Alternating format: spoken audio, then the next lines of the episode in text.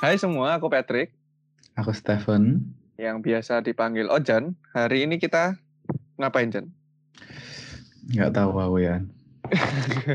ini, kelamaan di kampus, capek. Hari ini kita kedatangan tamu. Mhm. Seperti biasa, kita hari ini bakal ngobrol sama satu orang, namanya Mas Titus. Halo Mas Titus. Nggak Halo. seperti biasa. Gak seperti biasa. pertama Kan biasanya ada tamu maksudnya. sama Mas Titus baru. Oke. Aduh. Oke. Halo Mas. Halo, siapa di mana? Kok kayak kuis di Indo. aduh, aduh. Perkenalan Mas, perkenalan. Kalau bisa menjawab kuis ini bisa dapat voucher 900 ribu ya nonton bola. Asik. ribu, asik. Monggo Mas, perkenalan dulu Mas. Oke. Halo semua, perkenalkan namaku Titus Kristianto. Saat ini aku sedang pelayanan di gereja FEG Maranatha Hamburg. Oke. Umur, Tak hobi, iya, tak kira lanjut umur, hobi, Oh, status. oke. Sekalian Oh, Mas, semuanya. kesukaan. Oke. Ya, em, umur 28 tahun. Saya sudah empat tahun di Jerman. Tahun depan tahun kelima. Eh, selain di Hamburg, ada juga tugas-tugas pelayanan ke kota-kota lain. Paling enggak sekarang ada tujuh kota yang aku pergi pelayanan tiap bulannya. Asik. Hmm. Muter-muter terus. Termuter terus.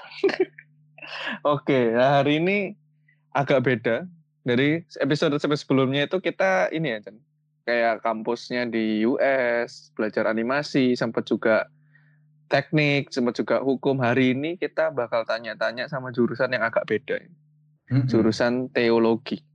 Jurusan paling penting. Jurusan paling penting. Teo asik. dari kata teos, belajar Bener tentang kan? Allah. Tapi kuliahnya bener teologi kan mas namanya? Atau jurusannya iya kan? betul. Teo- Teologi kan? Betul. Gelarnya pun sarjana teologi. Uh, Sarjana teologi. S ST ya berarti. STH. STH, oke. Atau sekarang mulai tahun 2018 jadi STO.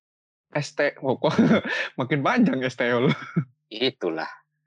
Tapi ini menarik. Maksudnya jurusan teologi itu nggak banyak yang milih. Maksudnya se, at least seangkatan aku dulu kayaknya nggak ada deh temen aku yang ngambil jurusan teologi. Tapi kenapa seorang Mas Titus ini ngambil jurusan teologi dulu, Mas? Kenapa seorang Titus ngambil jurusan teologi? Kalau backgroundnya mas. Oke, kalau pertanyaan itu diajukan, tentu pertama kita atau mungkin saya lah ya, em, mungkin mewakili sebagian besar teman-teman yang masuk kuliah teologi. Mhm. Kalau kita masuk jurusan teologi itu kita mulai dari yang namanya panggilan. Wes, apa tuh panggilan? Nah, panggilan. Jadi em, kita berangkat dari panggilan untuk pelayanan penuh waktu di gereja atau di lembaga-lembaga Kristen tertentu sebagai seorang hamba Tuhan penuh waktu. Makanya untuk menjalani atau mempersiapkan diri dalam menjalani panggilan pelayanan penuh waktu itu full timer itu kita perlu masuk sekolah teologi. Oh bentar bentar mas. Ngomong-ngomong tentang panggilan kan tadi. Kepanggilannya tuh kayak gimana? Ada suara yang Oh halo. iya iya iya iya itu bener. Atau kayak panggilan ini seperti apa sih sebenarnya? Nah, itu menarik itu. Saya nantikan untuk ditanya itu sebenarnya. Nah, Oke. Jadi panggilan, kalau kita mau berbicara panggilan, pertama secara umum ada namanya panggilan vokasi dulu kan siapa pun kita punya panggilan vokasi, berangkat dari passion kita apa, terus Mhm. kemudian kita ingin menyelami bidang tertentu, kita belajar di sana, kita invest banyak tenaga, uang, pikiran untuk persiapan di sana, baru kita nanti kerja di sana. Nah, ada panggilan yang lebih khusus yang tadi saya bilang untuk masuk sekolah teologi, yaitu panggilan untuk menjadi hamba Tuhan penuh waktu. Nah, kalau kalian tanya begitu ke saya, eh sebelumnya nanti kalau misalnya ada pertanyaan bisa langsung interupsi ya. Ya, Oh ya. iya iya iya. Kalau panggilan, eh, tentu setiap orang berbeda-beda. Hmm. Maksud saya yang jadi yang jadi hamba Tuhan, panggilan penuh waktunya beda-beda.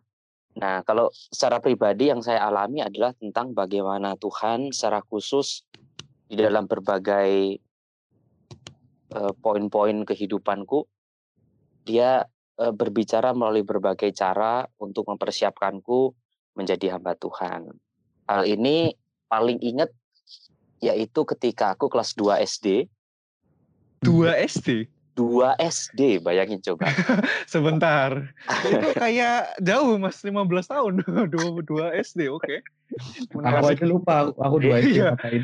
Aku dua SD kebanyakan pengen jadi dokter karena teman-teman yang lain bilangnya mau jadi dokter kan ikut-ikut. Nah. Dua SD. Ya, salahnya aku gak ada gak ada sama sekali kepinginan untuk jadi tentara, untuk jadi polisi di usia-usia SD itu. Kelas 2 SD aku waktu itu umur 7 tahun Oke. Mhm. Karena sekolahku agak cepet kan. Itu pertama kalinya aku masuk bukan masuk ya, tapi eh, ikut ibadah hari Minggu. Karena biasanya kita anak-anak kecil cuma sekolah Minggu pagi gitu kan. Baru nanti Iya. Mm, setelahnya yang dewasa karena gerejaku di kampung begitu kan jadi gantian gak bisa paralel bareng-bareng Nah, Hmm. Habis sekolah minggu entah kenapa kepingin banget hari itu aku ikut ibadah umum ibadah dewasa nah di waktu khotbah ada satu eh, kesan yang begitu mendalam yaitu bahwa suatu waktu nanti ke depan aku mau menggantikan opa nah karena yang waktu khotbah itu opaku gitu kan Mhm. aku mau menggantikan opa untuk ngajar jemaat gitu. Eh, bukan menggantikan ya, mau kayak opa untuk ngajar jemaat gitu. Lanjutin gitu maksudnya. Eh, entah Iya. waktu itu saya nggak ingat detail apakah detail lanjutin pekerjaan opa atau seperti opa, tapi yang pasti di waktu itu di minggu eh, siang itu eh, ada sebuah keinginan yang begitu besar bahwa mengajar jemaat itu kayaknya mesti aku kerjakan gitu. Wah, Hmm. Oke, oke, oke. Oke. aneh ya kelas 2 SD Kelas 2 SD lumayan sih mas. Kelas 12. Eh. Kelas 2 SD aku dulu mikirnya apa? Ini ada yang kayak gini. Oke, oke. Yang aku takjub masih ingat sih sampai mas. Iya, sampai masih ingat ya.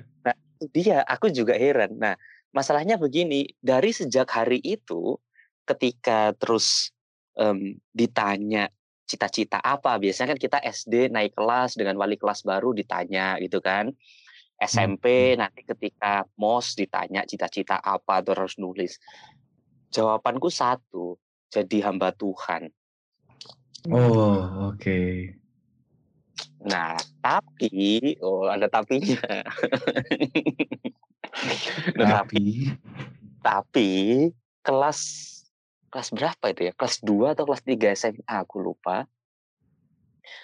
Kelas 3 kalau nggak salah, 3 SMA semester 1 kalau nggak salah. Ketika mulai ada mulai ada em, pelajaran proyeksi gitu, gambar proyeksi di salah satu mata pelajaran, Mhm. guru bilang kamu berbakat nih untuk di bidang proyeksi terus didorong lah aku untuk menekuni bidang itu untuk jadi arsitek gitu kan Mhm. Nah, sempat- Oh. sempat tertarik dulu nah, sempat tertarik nah tapi karena aku sangat aktif di paskibra di PMR di pramuka Mhm. maka hari-hari itu dengan kakak pembina aku punya niatan untuk bareng-bareng masuk ke antara Akabri, Akmil Akademi Militer atau Akpol Akademi Polisi. Hmm. Nah, Bentar. berubah. Nah, Berarti jadi dulunya sempat pengen eh maksudnya sempat jadi pengen jadi hamba Tuhan itu sampai umur sekitaran SMA barulah dari SMA itu nanti ketemu itu apa kayak keinginan-keinginan lain atau dorongan-dorongan lain ke arsitek atau ke akmil gitu ya maksudnya kurang lebih. betul, betul. Oh oke. Bukan cuma dorongan, tetapi bener-bener satu apa ya? Kayak aku bener-bener tak siapin bener-bener gitu loh. Misalnya contoh, Hmm. aku tuh SMA naik bus itu jaraknya 45 menit gitu ya dari dari kecamatanku ke SMA aku. Nah terus eh, dari rumahku ke tempat naik bus itu ke jalan raya yang dilalui Hmm. bus. Aku di kampung kan. Itu jaraknya kira-kira 4-5 kilometer lah gitu. Wow. Oh, oke. Sejam Jadi- dua jam itu berarti jalan. Eh ya kan naik motor, tuh, punya motor, Kira jalan. Maaf, maaf. naik sepeda. Nah, nah gara-gara aku mau nyiapin diri jadi jadi em, tentara waktu itu eh, pagi-pagi itu am- aku ambil waktu tiap seminggu dua kali begitu untuk ini untuk lari. Jadi aku jalan tuh dari rumah ke tempat naik bus gitu kan. Hmm. Aku jalan atau lari gitu ya sambil olahraga. Jadi aku lalui begitu seminggu dua tiga kali begitu. Oke. Terus apa yang Jadi sengaja akhirnya? tuh. Nih, berarti kan udah tuh, udah sampai persiapan banyak gitu kan? Mhm. Terus kenapa akhirnya balik lagi? Hmm. Nah, kenapa balik lagi? Pertama begini, aku udah daftar Akmil nih ya. Daftar Akmil tahun 2018 itu. Eh, tunggu. Hmm? Aku Oh, SMA masa kok 2018? 2018? Salah. Nggak mungkin ya. Iya. 2008 aku lulus SMA 2008 itu. Nah, Hmm. 2008 aku daftar aku daftar Akmil, udah oke, semua oke. Ih, waktu tes kesehatan nggak lulus gara-gara aku eh, punya gigi bolong. Ah. Gigi bolong aja bisa nggak masuk? Nggak masuk waktu itu. Oke. Ya, Heeh. mungkin juga karena nggak punya orang dalam kali ya. Dulu kan, oh, kok jadi nyalain itu. Iya, iya. iya. Nggak ya. Nah, cuman gara-gara gigi bolong waktu aku inget. Nah, terus kemudian eh, aku lanjutin daftar ke Akpol. Hmm. nah, aku sudah tempel gigi, sudah apa semua. Nggak masuk juga gara-gara aku punya varises. Hmm. Oh, oke, oke. Hal yang simpel-simpel kan. Hmm, hmm, hmm. Ya, akhirnya udahlah. Aku nggak pikirin lagi. Kenapa aku dulu kepengen masuk ke militer itu? Hmm, kepengen jadi hamba Tuhan itu tetap nggak nggak benar-benar hilang sepenuhnya, tetapi akhirnya menjurus untuk aku masuk apakah itu ke militer atau ke polisi itu dengan pemikiran gini dulu tuh. Kalau aku bisa masuk ke militer dulu atau ke polisi dulu, aku tuh bisa dilatih disiplin gitu ya. Hmm. Oh, Banyak kan? Hmm. Jadi eh, disiplinku bisa terlatih di sana untuk aku bener-bener nanti bisa persiapan diri lebih untuk jadi hamba Tuhan gitu kan. Seperti itu. Karena menyadari dulu tuh aku sangat tidak disiplin gitu. Jadi aku bener-bener mau siapin semuanya itu bener-bener total gitu. Pikirku begitu waktu itu. Hmm. Loh, waktu tapi waktu Mantap. kayak SMP atau SD gitu, Mas, kan bilangnya ke teman-teman, oh mau jadi apa? Jadi hamba Tuhan gitu. Terus persepsi mereka gitu kayak gimana? Soalnya aku kayak ngebayangin ketika aku sama teman-teman kayak SMP atau SMA kayak bilang mau jadi hamba Tuhan pasti kayak semua langsung, wow, Iya, iya. gak, ad- gak ada gitu kayak di lingkungan. iya, iya, iya. Mau Iya. temenan aja segan sih kalau kayak gitu. Iya, iya Oke. makanya. Waktu kayak waktu zamannya Mas Titus kayak gimana? Atau Aku bilang kan jadi aku bilang kan jadi pendeta gitu kan waktu itu. Hmm, hmm, hmm. Em, ya tentu samalah persepsi mereka seperti yang yang kayak kalian alami, maksudnya yang kayak kalian gambarin gitu kan, maksudnya teman-temanku, wow jadi pendeta, jadi pendeta begitu. Karena di antara mereka pun nggak ada yang punya punya pemikiran mau jadi ustadz begitu juga nggak ada gitu. Karena semua temanku tuh muslim semua waktu itu. Ah, oke. Oke. Nah, tapi sorry. Nah, tapi em, ketika aku bilang begitu, ya ejekan-ejekan seperti itu sudah menjadi hal yang biasa lah untuk aku terima di Mhm. masa-masa SD atau SMP. Masih aku nggak ambil pusing. Kenapa? Karena aku di daerah-daerah itu juga begitu SD dan SMP-nya. Jadi semua orang kenal aku, semua orang tahu aku. Jadi udah udah terlalu biasa gitu menanggapi kayak cibiran, wah mau jadi pendeta, oh mau jadi pendeta itu udah udah biasa, nggak terlalu dipikirin lagi. Oke, oke. Gila, hebat sih. Maksudnya, aku bayangin aja ya kalau kan aku sama Stefan kan kuliah eh kuliah SMP SMA-nya di sekolah Kristen gitu ya. Atau mm ke sekolah Katolik lah ya. Bilang Mhm. untuk jadi pendeta itu pasti aja udah kayak wow gitu. Sedangkan ini kan ada di lingkungan yang berarti Maistens atau kebanyakan bukan Mhm. pengikut Kristus atau bukan Kristen kan gitu kan. Uh, bukan bukan. nggak pertama kali waktu tanya terus bilang gitu nggak mikir deg-degan gitu mas atau nggak mikir kayak waduh pertama kalinya gitu Enggak sih, Maksudnya biasa aja gila sangat sangat biasa begitu. Nggak tahu ya sih. kenapa. Gila sih hebat hebat, hebat. oke Hmm. tapi em, waktu yang berarti benar-benar udah maksudnya yang waktu SMA itu maksudnya ke- keinginannya bahkan waktu akmil pun itu masih tertuju pada menjadi hamba Tuhan kan karena Ya, Kalau dari ceritanya- persiapan waktu itu. Iya kan? Hebat Mhm. banget. Apakah nggak pernah kayak ngerasain, ini jadi interview perasaan gitu, kayak pengen tahu aja sih.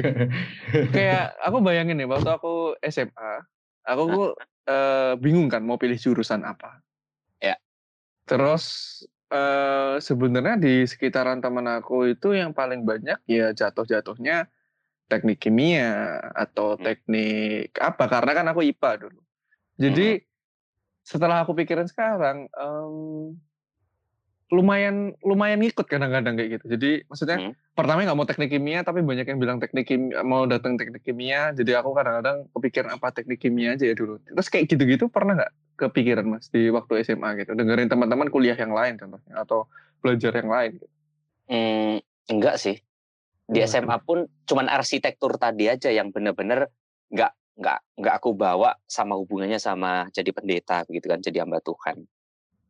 Oh, Tetapi oke. kalau akmil akpol akhirnya maksudnya arsitektur hanya sedikit saja maksudnya karena dosenku benar-benar kasih perhatian lebih soal soal em, apa ya em, kemampuan. yang kemampuan ya kemampuanku begitu. Tapi Guru ya? selebihnya selebihnya enggak sih. Guru kan, bukan dosen. Guru kan SMA. Iya, Tadi Mas- ngomongnya dosen. Mas itu dosen soalnya. Dosen aku bilang oh, sorry, sorry, sorry. Wah, Udah kebiasaan kuliah ya. asik. asik. Terus habis itu akhirnya Mas apa lanjutlah kan kuliah kan ngambil kuliah teologi di saat ya Di kalau nggak salah namanya. saat seminari Alkitab Asia Tenggara Malang. Loh, nggak bisa. Ini harus diceritain dulu, Mas yang Sebentar, jadi itunya. Oh iya, tadi Yang melatih kedisiplinannya itu harus diceritain. Oh, Oke oke banyak banyak insight insight ini ternyata. Oke itu lah.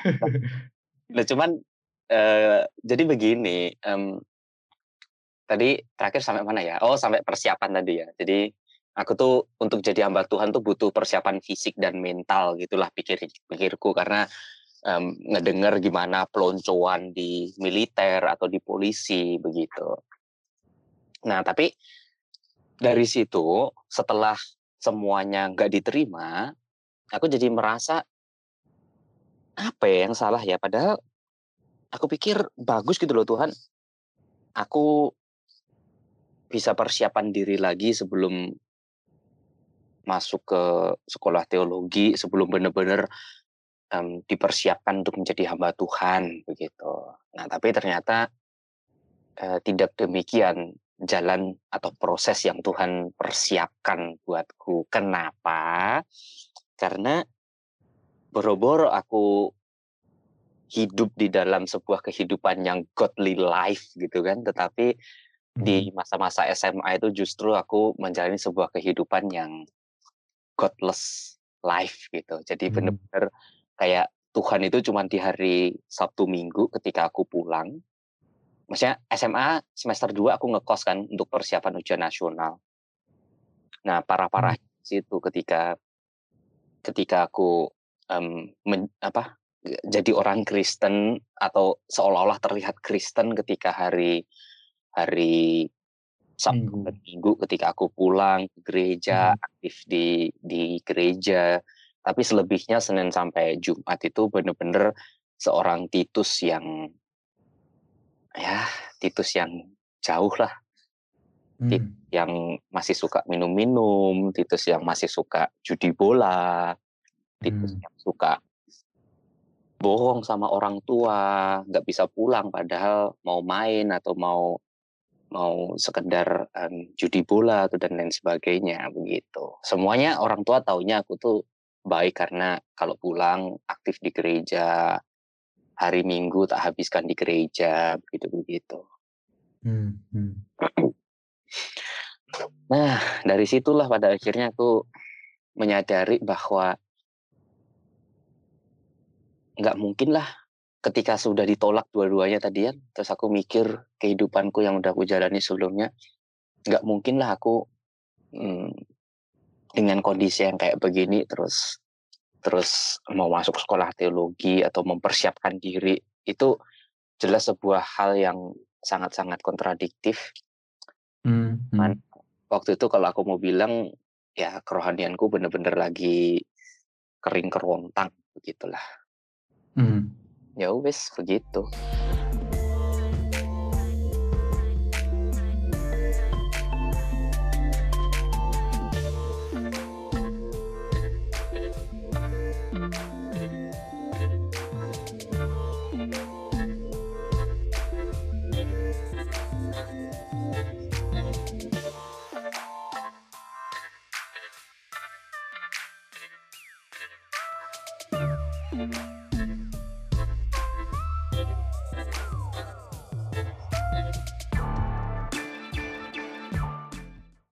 nah terus secercah harapan itu muncul gitu ya Hmm.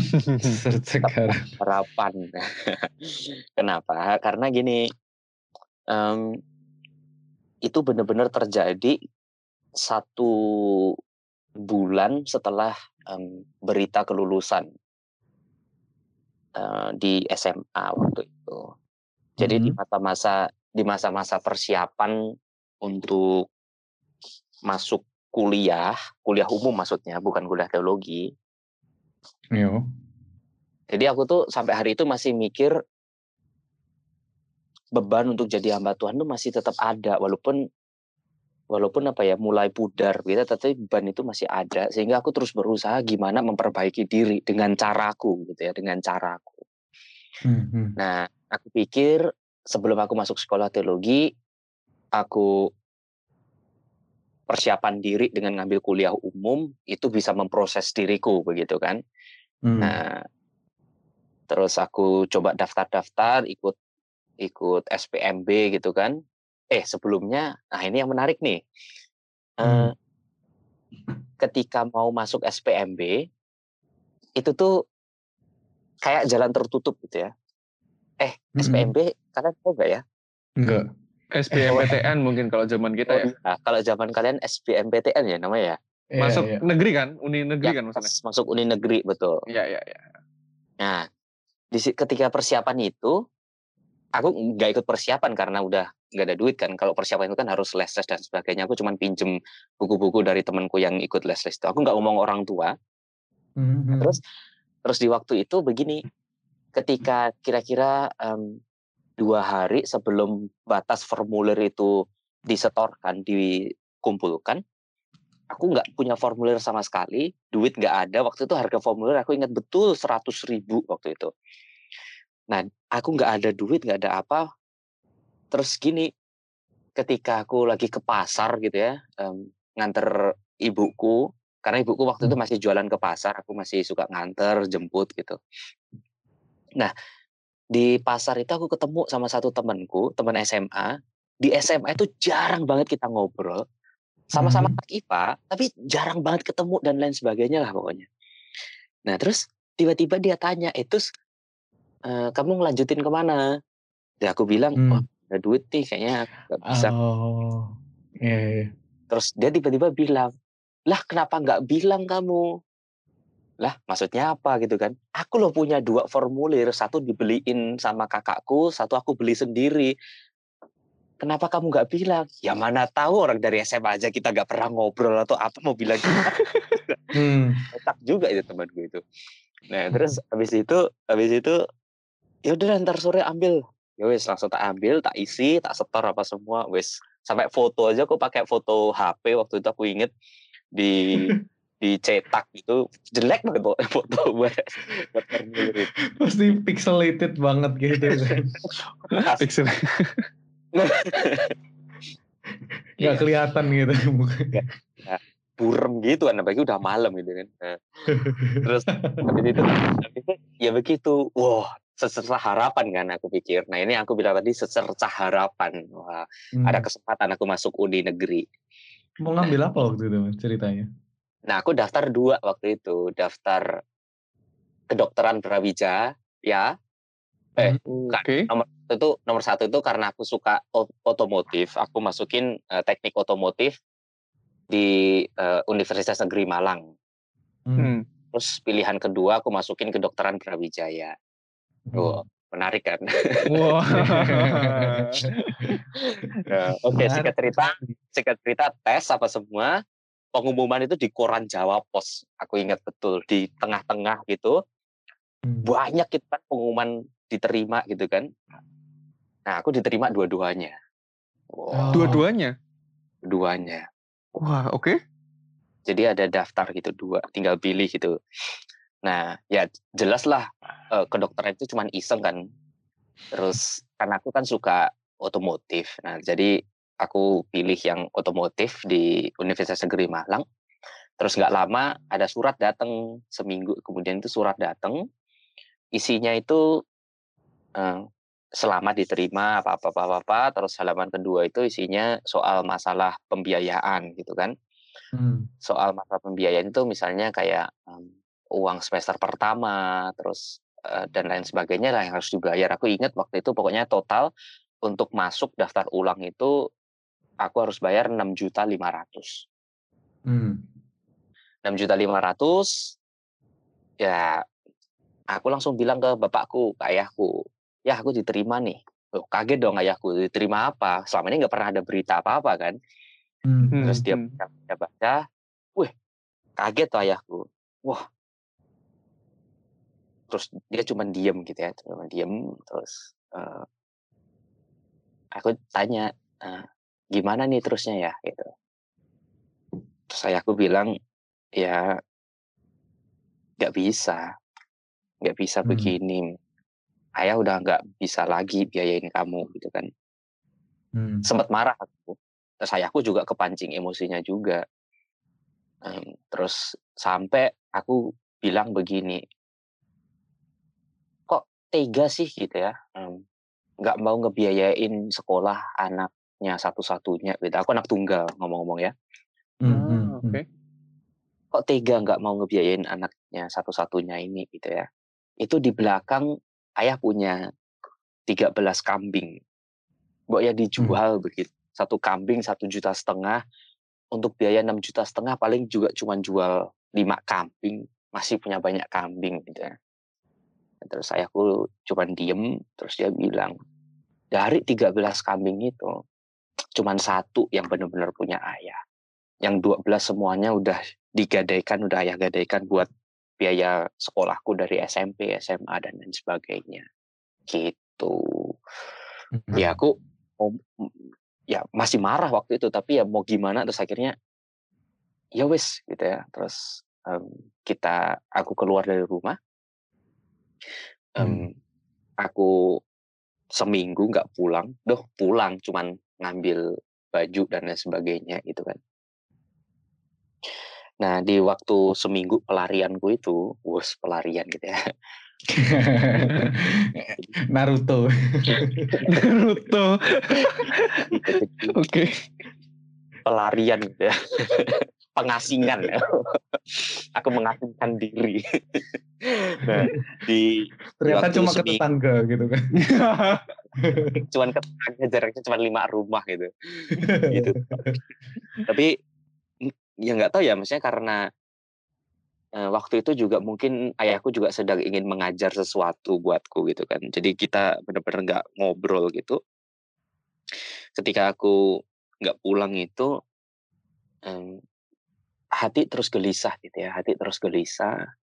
Nah terus di waktu itu benar-benar em, teringat di dalam beberapa em, waktu Nah, menarik begini, ketika aku mulai mulai mengasingkan diri itu seminggu itu kira-kira, uh, entah kenapa aku tuh mulai baca Alkitab lagi, mulai saat teduh lagi gitu ya.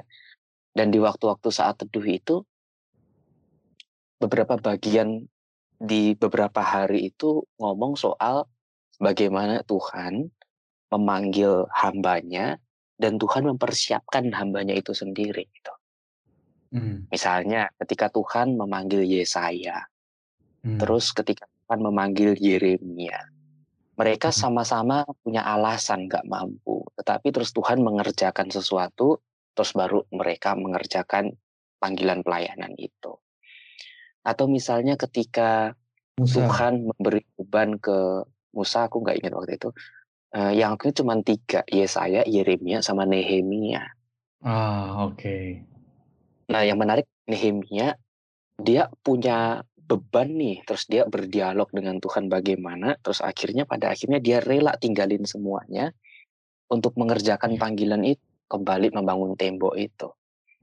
Padahal dan, hidupnya udah enak jadi juru minuman. Padahal hidupnya sudah enak dan bahkan waktu itu ketika seorang pekerja mengundurkan diri bisa jadi hukumannya adalah hukuman mati begitu loh. Mm -hmm. Karena hmm, misalnya salah-salah si si rajanya nggak nggak mau gitu ya hmm. seperti itu apalagi posisinya adalah posisi terpercaya pada waktu itu kan yeah, sebagai yeah. ya. nah Nehemia nggak punya apa-apa juga tuh tapi terus akhirnya melalui tangan si raja dan juga wilayah-wilayah yang dia lewatin dia bisa ngumpulin semua bahan-bahan yang semuanya kalau kita benar-benar baca bagian itu Tuhan yang siapin gitu nah akhirnya hmm. di satu waktu setelah um, pengasinganku itu aku berpikir begini dari semua tiga nabi yang Tuhan panggil itu nggak ada dari mereka yang mempersiapkan dirinya sendiri-sendiri itu selalu ada keterangan bagaimana Tuhan yang turut campur tangan uh, mempersiapkan mereka dengan walaupun mereka dengan cara-cara yang yang sangat luar biasa gitu ya misalnya ketika um, Tuhan berbicara langsung kepada Yeremia atau ketika Tuhan berbicara kepada Yesaya ketika bara api itu ditaruh di mulutnya sebagai bentuk tanda penyucian dan lain hmm, sebagainya. Hmm. Nah terus waktu itu tiba-tiba aku keinget lagi tentang um, kerinduanku untuk jadi hamba Tuhan itu lagi. Dan aku putuskan hari itu aku harus pulang. Nggak bisa kayak begini. Aku cuma bisa berdoa Tuhan kalau memang Tuhan panggil saya tolong proses saya gitu. Ya wes hmm. nah akhirnya dari situ aku pulang. Aku pulang minta maaf sama ayah terus hubungan kami dipulihkan. Nah sebulan berikutnya aku cari cari-cari informasi begitu ya untuk masuk sekolah teologi dan waktu itu yang aku tahu cuman saat hmm. STT uh, waktu itu ada STAN namanya Sekolah Tinggi Alkitab Nusantara ya di Malang juga. Oh, oke. Okay. Jadi ada saat ada STAN sama STT Bedanya? Iman di Jakarta. STAN itu sekolah tinggi Alkitab Nusantara itu punya afiliasi langsung dengan eh, GKIN Gereja Kristen Injil okay. Nusantara gitu lebih kecil dari saat gitu ya mm -hmm. nah terus habis itu sama STT Iman di Jakarta Aku cuma tahu itu aja waktu itu. Nah terus aku cari-cari hmm. informasi, oh satu yang pasti formulirnya bayar gitu ya. Formulir hmm. pendaftar bayar 100 ribu juga. Waktu itu uh, stand harganya 50 ribu. Hmm. Saat 100 Nah terus STT Iman, ah nggak dulu dah jauh ke Jakarta untuk cari informasi susah gitu ke Jakarta. Apa-apa semua harus ke Jakarta gitu susah gitu. Akhirnya cuma Malang dua STT itu yang aku coba um, apa ya cari informasi. Ya seperti itu. Dan satu yang pasti adalah karena belum menikah harus tinggal di asrama dan asrama bayar gitu. Hmm. Berapa mas bayarnya? Waktu itu aku masuk untuk asrama 900 ribu per bulan. Tapi hmm. itu udah kita dapat semuanya ya. Kalau kita bandingin dengan ngekos eh, di luaran itu jauh hmm. lebih murah karena makan di saat itu, uh bener-bener sangat terjamin tiga kali sehari, makan Mhm. pasti, tidur itu sangat enak, kasurnya spring bed tebal. Kasurku yang di tahu. sini aja nggak spring bed kayak gini. Nah, itulah. eh, sih, sih, Tadi tadi pertanyaan, di awal apa ya? Kok aku tiba-tiba cerita sampai sejauh ini ya? Awalnya cuma nanya kenapa kuliah teologi, tapi kan ini panjang memang jadinya kan. Oh, Nggak Iya. apa-apa mas. Terus habis itu Terjawab kok. terjawab kan. Ini kan masuk ke pertanyaan dua yang kamu mau tanya kan, Trik?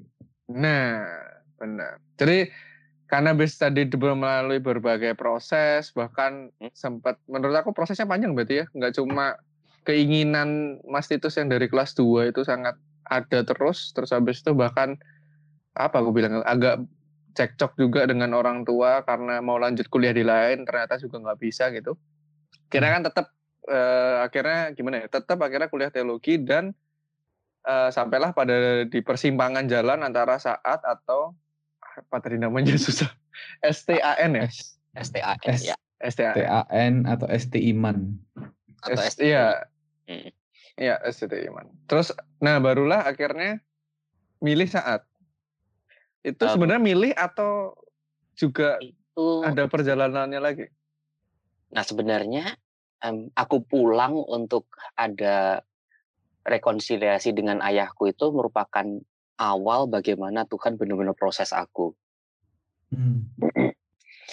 Em, kalau boleh mundur sedikit, jadi ketika aku mulai kumpulkan informasi itu terus tahu bahwa saat ataupun semuanya lah gitu ya, bahwa eh, kita sebagai mahasiswa harus tinggal di asrama dan harus ada sekian uang per bulan, makanya aku pikir gerejaku nggak mungkin bisa sponsori aku. Hmm. Ah, coba lah. Terus aku dapat informasi dari saat bahwa mahasiswa tahun pertama, artinya dua semester pertama itu eh, tidak ada beasiswa. Kalau memang mau mengajukan beasiswa, baru bisa up eh mulai semester ketiga Hmm. di saat ujian untuk beasiswa itu. Nah, akhirnya aku punya pemikiran, ya wes lah aku coba em, dalam aku nggak langsung masuk sekarang. Waktu itu kan aku udah tahun 2018 tuh, eh 2008 maksudnya. Aku udah lulus SMA. eh, ya udahlah aku tunda setahun dulu gitu. Aku tunda. Oh, nggak setahun sih mikirnya waktu itu. Aku tunda sekian waktu dulu untuk untuk bisa kerja dan nabung begitulah kira-kira. Nah, Mhm. Nah, akhirnya beberapa waktu setelah itu aku coba cari pekerjaan, nggak dapet loh. Padahal ya, Hmm. aku tuh punya dua em, sertifikat kemenangan Olimpiade Sains Nasional tingkat kabupaten. Uh, Kabupaten Oh, sampai menang. Mas itu sampai menang. wah ini pertanyaannya USN astronomi waktu itu. Oh, menang Mas. Wow. Terus di Jawa Timur satu 40 besar atau apa atau 30 besar aku lupa dah pokoknya itu. Nggak Oke. masuk babak selanjutnya tapi cuman sampai itu doang. Mas Hmm. itu daftar jadi apa waktu itu? Astronomi. Eh, daftar apa ya maksudnya? Eh, daftar kerjanya. Oh, Kan coba daftar daftar kerja. kerja waktu itu jadi eh, kasir atau kerja di toko. Pemenang astronomi kerja kasir. Tiga bulan aku nggak dapat waktu itu. Oh. Nah, terus aku memang nggak mau yang jauh-jauh ya, maksudnya sampai harus ngekos dan lain sebagainya, aku nggak mau juga. Jadi Iya, iya. batasnya pokoknya naik motor satu jam masih oke lah begitu. Nah, temanku aku di, di toko yang aku daftar itu, jadi temanku keluar dari kerja di toko itu ya, Hmm. teman SMA. Nah, dia bilang ke aku, coba daftar ke situ, aku baru keluar gitu kan. Nggak diterima. Padahal temanku yang sama itu, dalam tiga bulan, dalam kurun waktu yang sama, dia udah tiga kali ganti pekerjaan. Hmm. Dia Oke. ganteng mungkin, Mas. ini klasik Stefan tiba-tiba itu Itu main aku, fisik nggak Anda. tahu juga. itu aku nggak tahu. Perasaan aku juga nggak ganteng-ganteng amat loh. eh, Mas itu ganteng, tapi dia mungkin ganteng banget gitu. Nah, oke oke bener-bener heran gitu. Nah, akhirnya kenapa sih aku sempat sempat um, apa ya um, kayak desperate gitu ya marah entah marah entah kecewa begitu ya. aku bilang begini Tuhan kenapa Tuhan kasih prestasi yang sedemikian ini buatku tapi ini semua gak ada artinya gitu seolah-olah hmm, hmm, hmm. aku punya um, menang Olimpiade Sains Nasional apa OSN kabupaten juga nggak ada artinya dua kali. Terus um, selama SMA itu aku selalu peringkatnya 10 besar juga nggak ada artinya begitu. Nah yang gitu-gitu aku terus mikir kenapa harus ada prestasi-prestasi sementara untuk jadi sekedar di toko aja kerja entah angkat-angkat barang atau entah jadi kasir atau apalah begitu nggak nggak ada yang terima aku gitu ya udah terus, terus akhirnya akhirnya um, apa di dalam masa-masa kekecewaan itulah katakan begitu eh pekerjaan yang datang sendiri ke aku. Wes jadi ada tetangga begitu nawarin kerja ke aku. Terus mau nggak ikut kerja gitu? Ngapain bang? Gitu. Jadi kuli ya. jadi kuli santai aja dia jadi kuli gitu. Terus aku pikir ya udahlah daripada aku di rumah doang nganggur ya wes lah ikut bang gitu. Kapan mulai? Besok mulai? Wah ya wes lah gitu. Langsung. Nah, akhirnya waktu itu bulan bulan Desember aku mulai Desember 2018 aku mulai mulai ikut kerja. 2008 kuli. Eh 2008 aduh kok selalu 2018 ya? 2008 ya Desember. Desember atau akhir November gitu 2008 itu aku mulai mulai kerja itu. Hmm. nah jadi kuli itulah bagaimana Tuhan benar-benar proses apa yang tadinya nggak ada di aku kayaknya Tuhan mulai perlengkapi aku dan proses aku di sana. Dari mulai aku yang tadinya bergantung pada kepintaranku sekarang jadi kuli cuman butuh tenaga tok begitu kan. Ketika ketika aku coba cari-cari pekerjaan nggak dapat tapi Tuhan justru kasih pekerjaan itu di mana dengan pekerjaan yang hanya jadi kuli itu Tuhan mau proses aku di sana nah akhirnya kira-kira ada rumah ketiga lah yang aku udah mulai ikut bangun itu sampai bulan um, April bulan Mei gitu aku lupa itu oh. uh, 2009. Nah aku terus akhirnya ngelihat perjalanan selama jadi kuli bangunan. Jadi gini, hmm, jadi kuli bangunan itu yang pertama Tuhan kasih seorang rekan kerja, rekan kerja gue bilang gitu ya, mm-hmm. sesama kuli, mm-hmm. dia bukan percaya, dia sudah cukup usia, umurnya 50 lebih, punya anak hmm. dua kecil-kecil. Hmm. Nah, dia orangnya sederhana banget dan cenderung kurang gitu hidupnya ya. Hmm. Nah, tetapi dia selalu tersenyum, selalu bersuka cita itu yang pertama. Dan yang kedua, dia punya etos kerja yang begitu luar biasa. Jadi gini, ketika ketika aku jadi kuli gitu ya, padahal ngebangun rumah itu nggak jauh-jauh banget dari rumahku, kira-kira 10 menit jalan kaki sampai gitu kan biasanya kita mulai kerja itu jam 7 pagi. Nah, ketika si bapak ini namanya Pak Karyono, nah, hmm. nah aku biasanya panggilan Kang, Kang itu kan panggilan Jawa, Kangkar panggil aku gitu ya. Hmm. Kangkar. Kangkar gitu. Nah, kok ya ya ya. nah, Pak Pak Kar ini Pak Kar apa ya? Ya udahlah Pak Kangkar apa ya? ya udahlah gitulah ya. Hmm, iya, iya. Si dia sebut saja. Si dia ini iya. bapak bapak ini tuh padahal cuma 10 menit kita jalan kaki ya dari rumahku. Bapak ini tuh jam 6, 6 pagi itu udah ketok-ketok jendelaku bangunin aku bayangin. Dia hmm. ajak aku berangkat. Aku bilang, "Walah Kangkar, masih pagi banget. Ngapain sih pagi-pagi? Ayolah, ayolah gitu." Diajak gitu setiap pagi akhirnya tadinya aku nolak-nolak akhirnya ya udahlah dengan terpaksa aku pergi tiap pagi jam 6 kita hmm. datang berdua padahal ada kuli yang lain ada tukang yang lain tuh tapi datang tuh selalu kita berdua jam 6.15 lah selambat-lambatnya kita udah di tempat kerja kita nyiapin peralatan itu cangkul cetok eh, ember kita mulai ayak semen dan lain sebagainya apa-apa semua kita siapin nanti tukang datang itu mereka udah tinggal mulai kerja hmm. atau kuli-kuli yang lain datang itu udah tinggal mulai kerja. Bentar, aku ada pertanyaan, Mas. Gimana?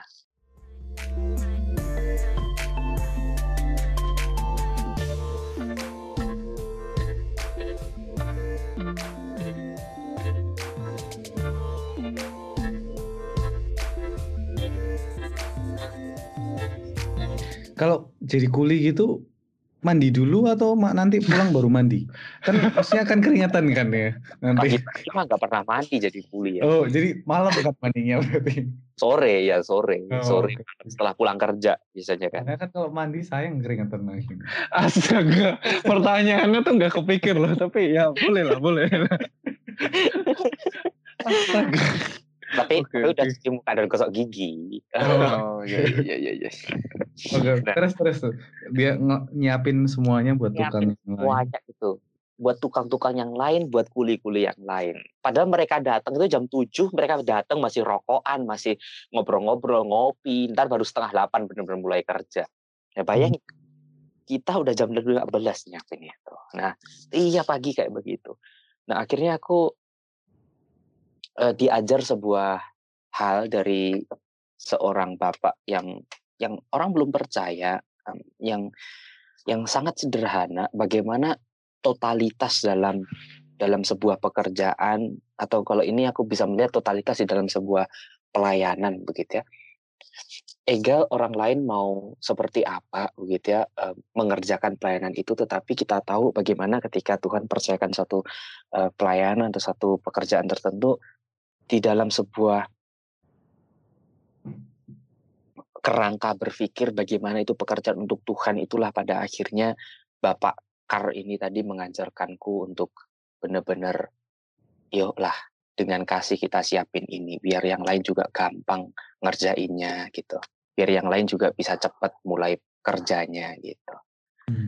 Pu- pulangnya Bener-bener bener-bener mikirin orang lain gitu ya berarti. betul pulangnya juga begitu pulangnya kita pulang terakhir berdua itu untuk ngeberesin apa semua Hmm. Padahal setelah selesai kerja itu Bapak Kar ini harus cari rumput buat makan kambingnya Hmm.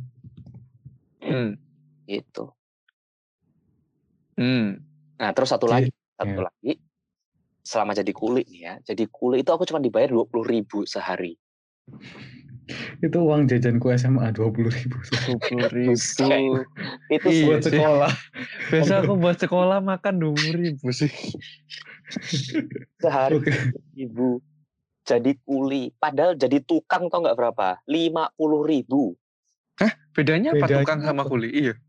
Tukang itu kan yang bagian em, apa numpuk batanya. Pokoknya tenaga ahli lah kalau tukang itu. Kalau kuli cuman mengeluarkan tenaga gitu. Oh ada Oh. gituannya. Itu ada struktur Ya. gitu. Ada Iya kayak Nah, ada jabatannya gitu ternyata baru tahu. Iya, jadi nggak semua orang tukang itu tukang. Jadi kuli itu benar-benar terendah, cuma disuruh-suruh aja. Biasanya orang yang nggak punya keahlian eh, kuli itu. Jadi orang kira-kira sekian tahun jadi kuli, kira-kira nanti bisa upgrade diri jadi tukang gitu. Oh. Oh ya ampun aku baru tahu. Jadi paling bawah kuli, tukang terus mandor berarti. Terus mandor betul. Hmm. begitu. Oh. Eh, jabatan kita bangun rumah itu. Oh. Tukang cuman di atas gitu ya, nggak suruh-suruh. Terus batu bata, terus adonan, terus ambil benang, terus kayu, terus cetok. Cuman gitu-gitu tok, nyuruh-nyuruh tok. Kita naik turun, angkat batu bata, naik turun, angkat ember isi adonan semen, naik turun begitu. Oh. Oh alah ini ini Kita lebih ke- tahu. capek dua puluh ribu doang. Tukang nggak terlalu capek, lima puluh ribu dapatnya. Gitu. Oke Hmm. Nah, menarik. cuman itu di situ aku mikir gini, di satu waktu aku istirahat siang itu mikir entah kenapa tiba-tiba pemikiran jadi hamba Tuhan itu tadinya pendeta, pendeta, pendeta gitu mikirnya, terus tiba-tiba mikir jadi hamba Tuhan, hamba. Eh, aku ingat beberapa bagian bacaku ketika em, saat teduh jadi hamba itu dulos gitu kan. Dulu opaku kalau khotbah itu dulos itu gambarannya seperti keset gitu. Opaku inget betul kalau kasih ilustrasi dulos itu keset gitu ya. Tapi memang benar begitu. Em, dibilang keset yang nggak punya uh, hak apa-apa, cuman buat tempat kotoran diinjak-injak, tetapi um, punya peranan yang tidak kalah penting gitu juga, tetap mengingat itu seperti itu. Nah hmm. akhirnya aku mikir kalau aku jadi hamba bahkan nggak punya hak buat diriku sendiri, ini jadi kuliah aku masih mending dibayar begitu ya, ya gitu. Dua puluh ribu walaupun cuma dua puluh ribu kuras tenaga kuras teringat begitu tapi terus kemudian kalau jadi hamba harusnya bahkan bayaran pun aku nggak nggak berharap begitu. Nah di situlah yang bagaimana Tuhan mulai mulai um, ubahkanku begitu, hmm. sehingga sehingga dari situ um, panggilanku untuk jadi untuk jadi hamba Tuhan makin diteguhkan gitu ya. Aku kayaknya makin siap gitu untuk um, menerima semuanya. Walaupun hmm. terus jadi kuli pun juga kadang kalau teman-teman yang pulang dari kosan sebulan sekali gitu ya, atau seminggu, dua minggu sekali ke rumah teman-teman SMA yang udah kuliah itu cuma tanya lah terus kenapa jadi kuli lah terus kenapa jadi kuli gitu-gitu tapi aku kadang ada malu gitu ya tapi terus akhirnya aku bangga dengan itu karena melalui itu Tuhan proses aku benar-benar gitu hmm. Wow nah gitu ini ada dramanya trik iya jujur Waktu pertama kali mas aku kayak kepikir, oh mas itu jadi narasumber. Nggak kepikir sih bakal ada cerita ini. Awalnya aku kira bakal kayak podcast sebelumnya, karena kita udah bikin kan sebelumnya. Jadi kayak bakal nanya-nanya tentang kuliah itu gimana, rasanya gimana, bakal bakal biayanya gimana, kayak gitu-gitu kan. Tapi ternyata ya nggak apa-apa, maksudnya akhirnya ada banyak ini cerita-cerita yang menarik. Semoga yang dengar juga semakin tertarik. Ya, yeah kalau yeah. ada yang dengar ya Chan ya. ada kok mamaku paling enggak. Halo mama. mamaku juga. Mama halo. Nanti lah aku share ke teman-teman di sini biar dengerin ya. Oh. Tapi episode episode ini doang mas. Gak enggak. Aduh. Oke. Okay, Tapi aku ngelihat Mas dari sana itu kayak bener-bener dari Mas Titus yang agak punya pride atau punya kebanggaan kayak oh lumayan pinter, oh punya prestasi, oh diterima di dua universitas yang padahal satu cuma iseng kedokteran gitu kan. Terus tapi benar-benar Tuhan bentuk sampai direndahkan serendah-rendahnya dan belajar rendah hati dan belajar humility benar-benar gitu sih kayaknya. Ya. Dari ceritanya tadi benar-benar. That's right. Itu benar gitu Makanya ya. jadi jadi kuli itu aku selalu kasih catatan begini. Em, ketaatan dan merendahkan em, hati itu jadi kunci pembentukanku sebagai kuli uh, pada waktu itu. dan di situ akhirnya um, dari dua itulah um, yang menjadi modal seorang hamba Tuhan untuk bisa untuk bisa apa ya uh, berkenan bagi bagi tuannya gitu karena um, seorang hamba Tuhan yang tidak memiliki ketaatan dan kerendahan hati itu dia menjadi hamba bagi dirinya sendiri. Hmm, hmm. Iya. Hmm. Nah, baru sekarang untuk kuliah nih. Oh. Kita stop dulu aja. Stop okay. dulu aja Tapi, ke toilet atau apa gitu. Sebelum sebelum stop juga jadi kayaknya kita bakal ada dua part ya kan sama Mas Titus ini. Nah, aku ini mau aku, aku udah stop ini, Trik. Oh, lah aku mau. Enggak, enggak, enggak, enggak. Ya. Yeah. Jangan dong. Jadi kayak supaya apa ya, menutup part yang pertama menurut aku eh, buat kita yang bakal kuliah atau sekarang juga lagi kuliah um, dengerin cerita Mas Titus ini harusnya ya kalau aku ngeliat diri aku uh, aku terlalu take it for granted. Apa itu bahasa Indonesia-nya, Chan? Uh, uh, ya, itulah ya, teman-teman. Gak menghargai apa yang ya. ya. Kurang menghargai. semua hal itu emang seharusnya.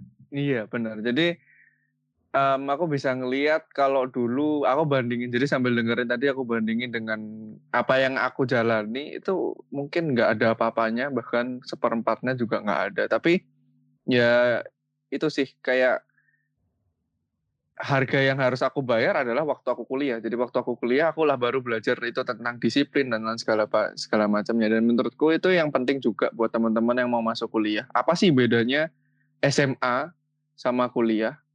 Menurutku salah satunya itu sih di kuliah itu benar-benar harus bisa self disiplin karena dosennya terutama kalau di Jerman ya dosen itu nggak pengaruh apa-apa sama gimana kita belajar mau kita belajarnya rajin setiap hari ke uh, perpus atau enggak itu dosen nggak ngapa-ngapain. Beda kalau SMA menurut aku masih banyak kontrol dari gurunya gitu sih. Dan itu yang eh, ya itulah kehidupan kuliah seperti itu gitu sih menurut aku. Kalau ya biar ini ini Jan biar agak ada penutup yang mulus. Kalau kamu apa Jan?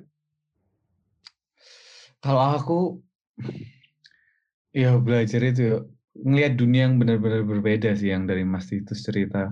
Maksudnya yang dari kampung, gimana ceritanya di kampung gitu, terus habis gitu punya lingkungan yang berbeda dari yang apa yang aku punya. Terus bagaimana waktu dia milih, maksudnya akhirnya mau masuk kuliah teologi itu sesuatu hal yang punya panggilan bukan asal ikut-ikut gitu kan atau mikirin benar-benar apa yang Tuhan mau sih. Terkadang aku mikir kita mau milih kuliah itu apa yang uh, duitnya banyak atau apa yang kelihatan yeah, keren uh, didengerin sama orang gitu kan iya, tapi yeah, nggak benar-benar mikir apa apa yang Tuhan mau sebenarnya atau apa yang benar-benar yang bisa kepake buat orang di sekitar kita gitu sih aku mikir kayak tujuan kuliahnya itu other center atau God center bukan yang self center dong kalau aku ngeliat dari apa yang cerita tadi. Nah, lebih dalam ternyata. Oke. Jadi sekian part pertama. Kalau buat penasaran mau tahu lebih lanjut tentang gimana di kuliah di teologi, ngapain aja, biayanya itu berapa, terus apalagi prospek kerja atau kerjanya itu bakal gimana sih? Apakah ada banyak pilihan kah atau enggak? Uh, kita bakal ngomongin di part kedua. Dah. Bye. Bye bye ciao.